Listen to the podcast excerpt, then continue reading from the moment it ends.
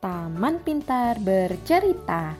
Assalamualaikum warahmatullahi wabarakatuh. Halo sahabat Tepi, jumpa lagi. Apa kabar hari ini? Semoga selalu sehat ya. Amin. Nah, biar sahabat Tepi tidak bosan di rumah, kita dengerin cerita aja yuk. Cerita kali ini berjudul Timun Mas yang diambil dari buku Dongeng Nusantara terbitan Erlangga for Kids yang akan dibawakan oleh Kak Nevi, Kak Haisa, Kak Yuli, Kak Gilang, dan Kak Puput. Ini dia kisahnya, selamat mendengarkan.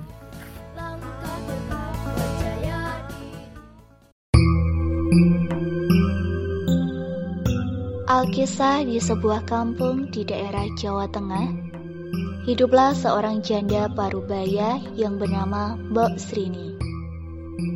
Sejak ditinggal mati oleh suaminya beberapa tahun silam, ia hidup sebatang kara karena tidak mempunyai anak. Ia sangat mengharapkan kehadiran seorang anak untuk mengisi kesepiannya. Namun, harapan itu telah pupus karena suaminya telah meninggal dunia. Ia hanya menunggu keajaiban untuk bisa mendapatkan seorang anak. Ia sangat berharap keajaiban itu datang kepadanya. Untuk meraih harapan itu, siang malam ia selalu berdoa kepada Tuhan Yang Maha Kuasa agar diberi anak. Pada suatu malam, harapan itu datang melalui mimpinya. Dalam mimpinya, ia didatangi oleh sesosok makhluk raksasa yang menyuruhnya pergi ke hutan, tempat biasanya ia mencari kayu bakar untuk mengambil sebuah bungkusan di bawah sebuah pohon besar. Saat terbangun di pagi hari, Mbok Srini hampir tidak percaya dengan mimpinya semalam. Mungkinkah keajaiban itu benar-benar akan terjadi kepadaku? Mungkinkah keajaiban itu akan benar-benar terjadi kepadaku? Tanyanya dalam hati dengan ragu. Namun, perempuan parubaya itu berusaha menepis keraguan hatinya. Dengan penuh harapan, ia bergegas menuju ke tempat yang ditunjuk oleh raksasa itu. Setibanya di hutan, ia segera mencari bungkusan itu di bawah pohon besar. Betapa terkejutnya ia ketika menemukan bungkusan yang dikiranya berisi seorang bayi, tapi ternyata hanyalah sebutir biji timun. Hatinya pun kembali bertanya-tanya. Apa maksud raksasa itu memberiku sebutir biji timun? Gumam janda itu dengan bingung. Di tengah kebingungannya, tanpa ia sadari, tiba-tiba sesosok makhluk raksasa berdiri di belakangnya sambil tertawa terbahak-bahak. Hahaha. Demikian suara tawa raksasa itu. Mbok Srini pun tersentak kaget seraya membalikan badannya. Betapa terkejutnya ia karena raksasa itu yang hadir dalam mimpinya. Ia pun menjadi ketakutan. Ah, ampun Tuan raksasa, jangan makan aku. Aku masih ingin hidup. Pinta Mbok Srini dengan muka pucat. Jangan takut perempuan tua, aku tidak akan memakanmu. Bukankah kamu menginginkan seorang anak? Tanya raksasa itu. Be benar Tuan raksasa. Jawab Mbok Srini dengan gugup. Kalau begitu, segera tanam biji timun itu. Kelak, kamu akan mendapatkan seorang anak perempuan. Tetapi, ingat, kamu harus menyerahkan anak itu kepadaku saat ia sudah dewasa. Anak itu akan kujadikan santapanku. Ujar raksasa itu. Karena begitu besar keinginannya untuk memiliki anak, tanpa sadar Mbok Srini menjawab. Baiklah raksasa, aku bersedia menyerahkan anak itu kepadamu. Begitu Mbok Srini selesai menyatakan kesediaannya, raksasa itu pun menghilang. Perempuan itu segera menanam biji timun itu di ladangnya. Dengan penuh harapan, setiap hari ia merawat tanaman itu dengan baik. Dua bulan kemudian, tanaman itu pun mulai berbuah. Namun anehnya, tanaman timun itu hanya berbuah satu. Semakin hari, buah timun semakin besar melebihi buah timun pada umumnya. Warnanya pun sangat berbeda, yaitu berwarna kuning keemasan. Ketika buah timun masak, Mbok Srini memetiknya lalu membawanya pulang ke gubuknya dengan susah payah karena berat. Betapa terkejutnya ia setelah membelah buah timun itu. Ia mendapati seorang bayi perempuan yang sangat cantik. Saat akan menggendongnya, bayi itu tiba-tiba menangis. Demikian suara bayi itu. Alangkah bahagianya hati Mbok Srini mendengar suara tangisan bayi yang sudah lama ia rindukan itu. Ia pun memberi nama bayi itu Timun Emas. Cuk cuk cuk, jangan menangis anakku sayang Timun Emas. Hibur Mbok Srini. Perempuan parubaya itu tak mampu lagi menyembunyikan kebahagiaannya.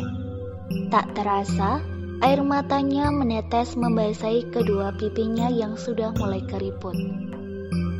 Perasaan bahagia itu membuatnya lupa kepada janjinya bahwa dia akan menyerahkan bayi itu kepada raksasa itu suatu saat kelak. Ia merawat dan mendidik timun mas dengan penuh kasih sayang hingga tumbuh menjadi gadis yang sangat cantik jelita. Janda tua itu sangat bangga karena selain cantik, Putrinya juga memiliki kecerdasan yang luar biasa dan perangainya yang baik. Oleh karena itu, ia sangat sayang kepadanya. Suatu malam, Mbok Srini kembali bermimpi didatangi oleh raksasa itu dan berpesan kepadanya bahwa seminggu lagi ia akan datang menjemput Timun Mas. Sejak itu, ia selalu duduk termenung seorang diri Hatinya sedih karena ia akan berpisah dengan anaknya yang sangat disayanginya itu. Ia baru menyadari bahwa raksasa itu ternyata jahat karena timun mas akan dijadikan santapannya. Melihat ibunya sering duduk termenung, timun mas pun bertanya-tanya dalam hati. Suatu sore, timun mas Suatu sore, Timun Emas memberanikan diri untuk menanyakan kegundahan hatinya kepada ibunya. Bu, mengapa akhir-akhir ini ibu selalu tampak sedih? Tanya Timun Mas. Sebenarnya Mbok Srini tidak ingin menceritakan penyebab kegundahan hatinya, karena dia tidak ingin anak semata wayangnya ikut bersedih. Namun karena terus didesak, akhirnya ia pun menceritakan perihal asal-usul timun mas yang selama ini ia rahasiakan. Maafkan ibu anakku, selama ini ibu sudah merahasiakan sesuatu kepadamu. Kata Mbok Srini dengan wajah sedih. Rahasia apa, Bu? Tanya Timun Mas penasaran. Ketahuilah Timun Emas, sebenarnya engkau bukanlah anak kandung dari ibu.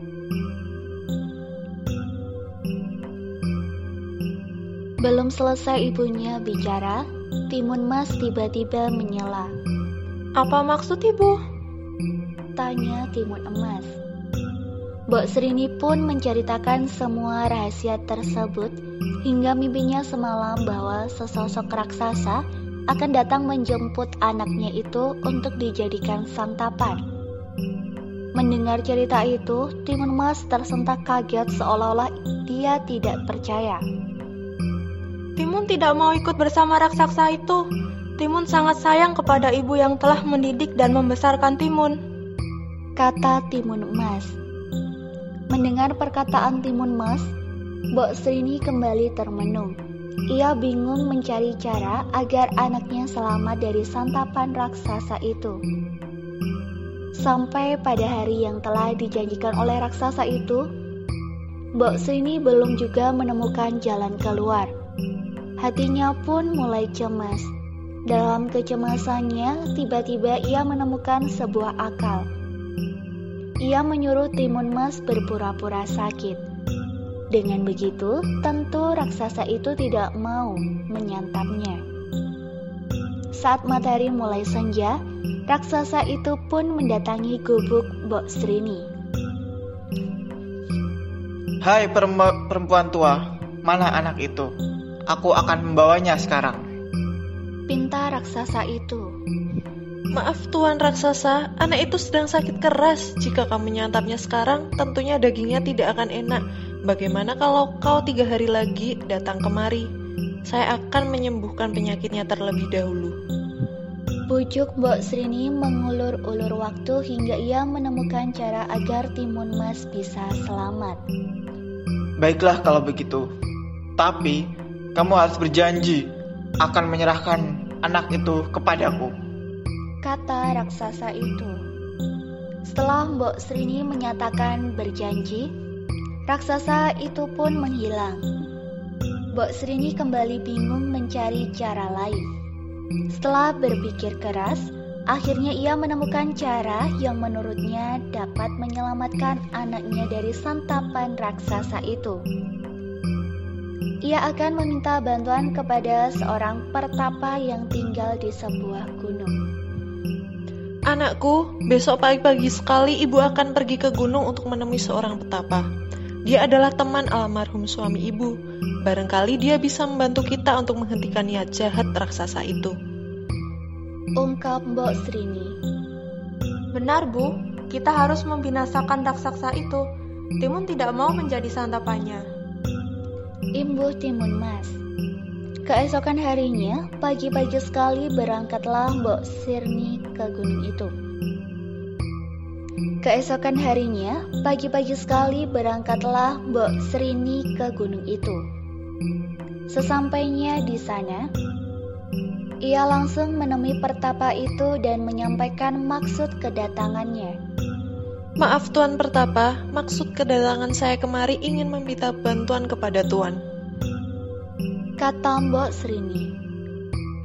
Apa yang bisa ku bantu Mbok Srini? Tanya pertapa itu. Mbok Srini pun menceritakan masalah yang sedang dihadapi anaknya. Mendengar cerita Mbok Srini, pertapa itu pun bersedia membantu.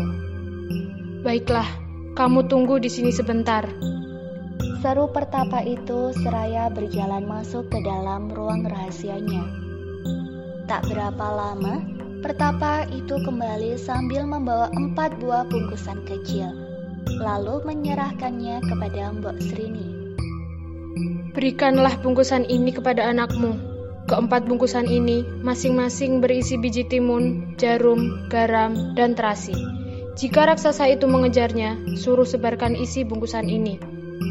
Jelas pertapa itu. Setelah mendapatkan penjelasan itu, Mbok Srini pulang membawa keempat bungkusan tersebut. Setibanya di gubuknya, Mbok Srini menyerahkan keempat bungkusan itu dan menjelaskan tujuannya kepada Timun Mas. Kini, hati Mbok Srini mulai agak tenang karena anaknya sudah mempunyai senjata untuk melawan raksasa itu. Dua hari kemudian, raksasa itu pun datang untuk menagih janjinya kepada Mbok Srini. Ia sudah tidak sabar lagi ingin membawa dan menyantap daging timun emas. Hai perempuan tua, kali ini kamu harus menepati janjimu. Jika tidak, kamu yang akan akan kujadikan santapan. Ancam raksasa itu. Mbok Srini tidak gentar lagi menghadapi ancaman itu. Dengan tenang ia memanggil Timun Mas agar keluar dari gubuk. Tak lama, Timun Mas pun keluar lalu berdiri di samping ibunya. Jangan takut anakku, jika raksasa itu akan menangkapmu, segeralah lari dan ikuti petunjuk yang telah kusampaikan kepadamu. Mbok Srini membisik Timun Mas. Baik, Bu. Jawab Timun Mas. Melihat Timun Mas yang benar-benar sudah dewasa, raksasa itu semakin tidak sabar ingin segera menyantapnya. Ketika ia hendak menangkapnya, Timun Mas segera berlari sekencang-kencangnya. Raksasa itu pun mengejarnya. Tak ayal lagi, terjadilah kejar-kejaran antara makhluk raksasa itu dengan Timun Mas. Setelah berlari jauh, Timun Mas mulai kecapaian. Sementara raksasa itu semakin mendekat. Akhirnya ia pun mengeluarkan bungkusan pemberian pertapa itu. Pertama-tama Timun Mas menebar biji timun yang diberikan oleh ibunya. Sungguh ajaib, Hutan di sekelilingnya tiba-tiba berubah menjadi ladang timun. Dalam sekejap, batang timun tersebut menjalar dan melilit seluruh tubuh raksasa itu. Namun raksasa itu mampu melepaskan diri dan kembali mengejar timun mas. Timun mas pun segera melemparkan bungkusan yang berisi jarum. Dalam sekejap, jarum-jarum tersebut berubah menjadi rerumbunan pohon bambu yang tinggi dan runcing. Namun, raksasa itu mampu melewatinya dan terus mengejar timun mas. Walaupun kakinya berdarah-darah karena tertusuk bambu tersebut. Melihat usahanya belum berhasil, timun mas membuka bungkusan ketiga yang berisi garam lalu menebarkannya. Seketika itu pun Hutan yang telah dilewatinya tiba-tiba berubah menjadi lautan luas dan dalam. Namun raksasa itu tetap berhasil melaluinya dengan mudah. Timun emas pun mulai cemas karena senjatanya hanya tersisa satu. Jika senjata tersebut tidak berhasil melumpuhkan raksasa itu, maka tamatlah riwayatnya. Dengan penuh keyakinan, ia pun melemparkan bungkusan terakhir yang berisi terasi. Seketika pula, tempat jatuhnya terasi itu tiba-tiba menjelma menjadi lautan lumpur yang mendidih. Alhasil, raksasa itu pun terjebur ke dalamnya dan tewas seketika. Maka selamatlah timun emas dari kejaran dan santapan raksasa itu. Dengan sekuat tenaga, Timun Emas berjalan menuju gubuknya untuk menemui ibunya. Melihat anaknya selamat, Mbok Srini pun langsung berucap syukur kepada Tuhan Yang Maha Kuasa. Sejak itu, Mbok Srini dan Timun Emas hidup berbahagia.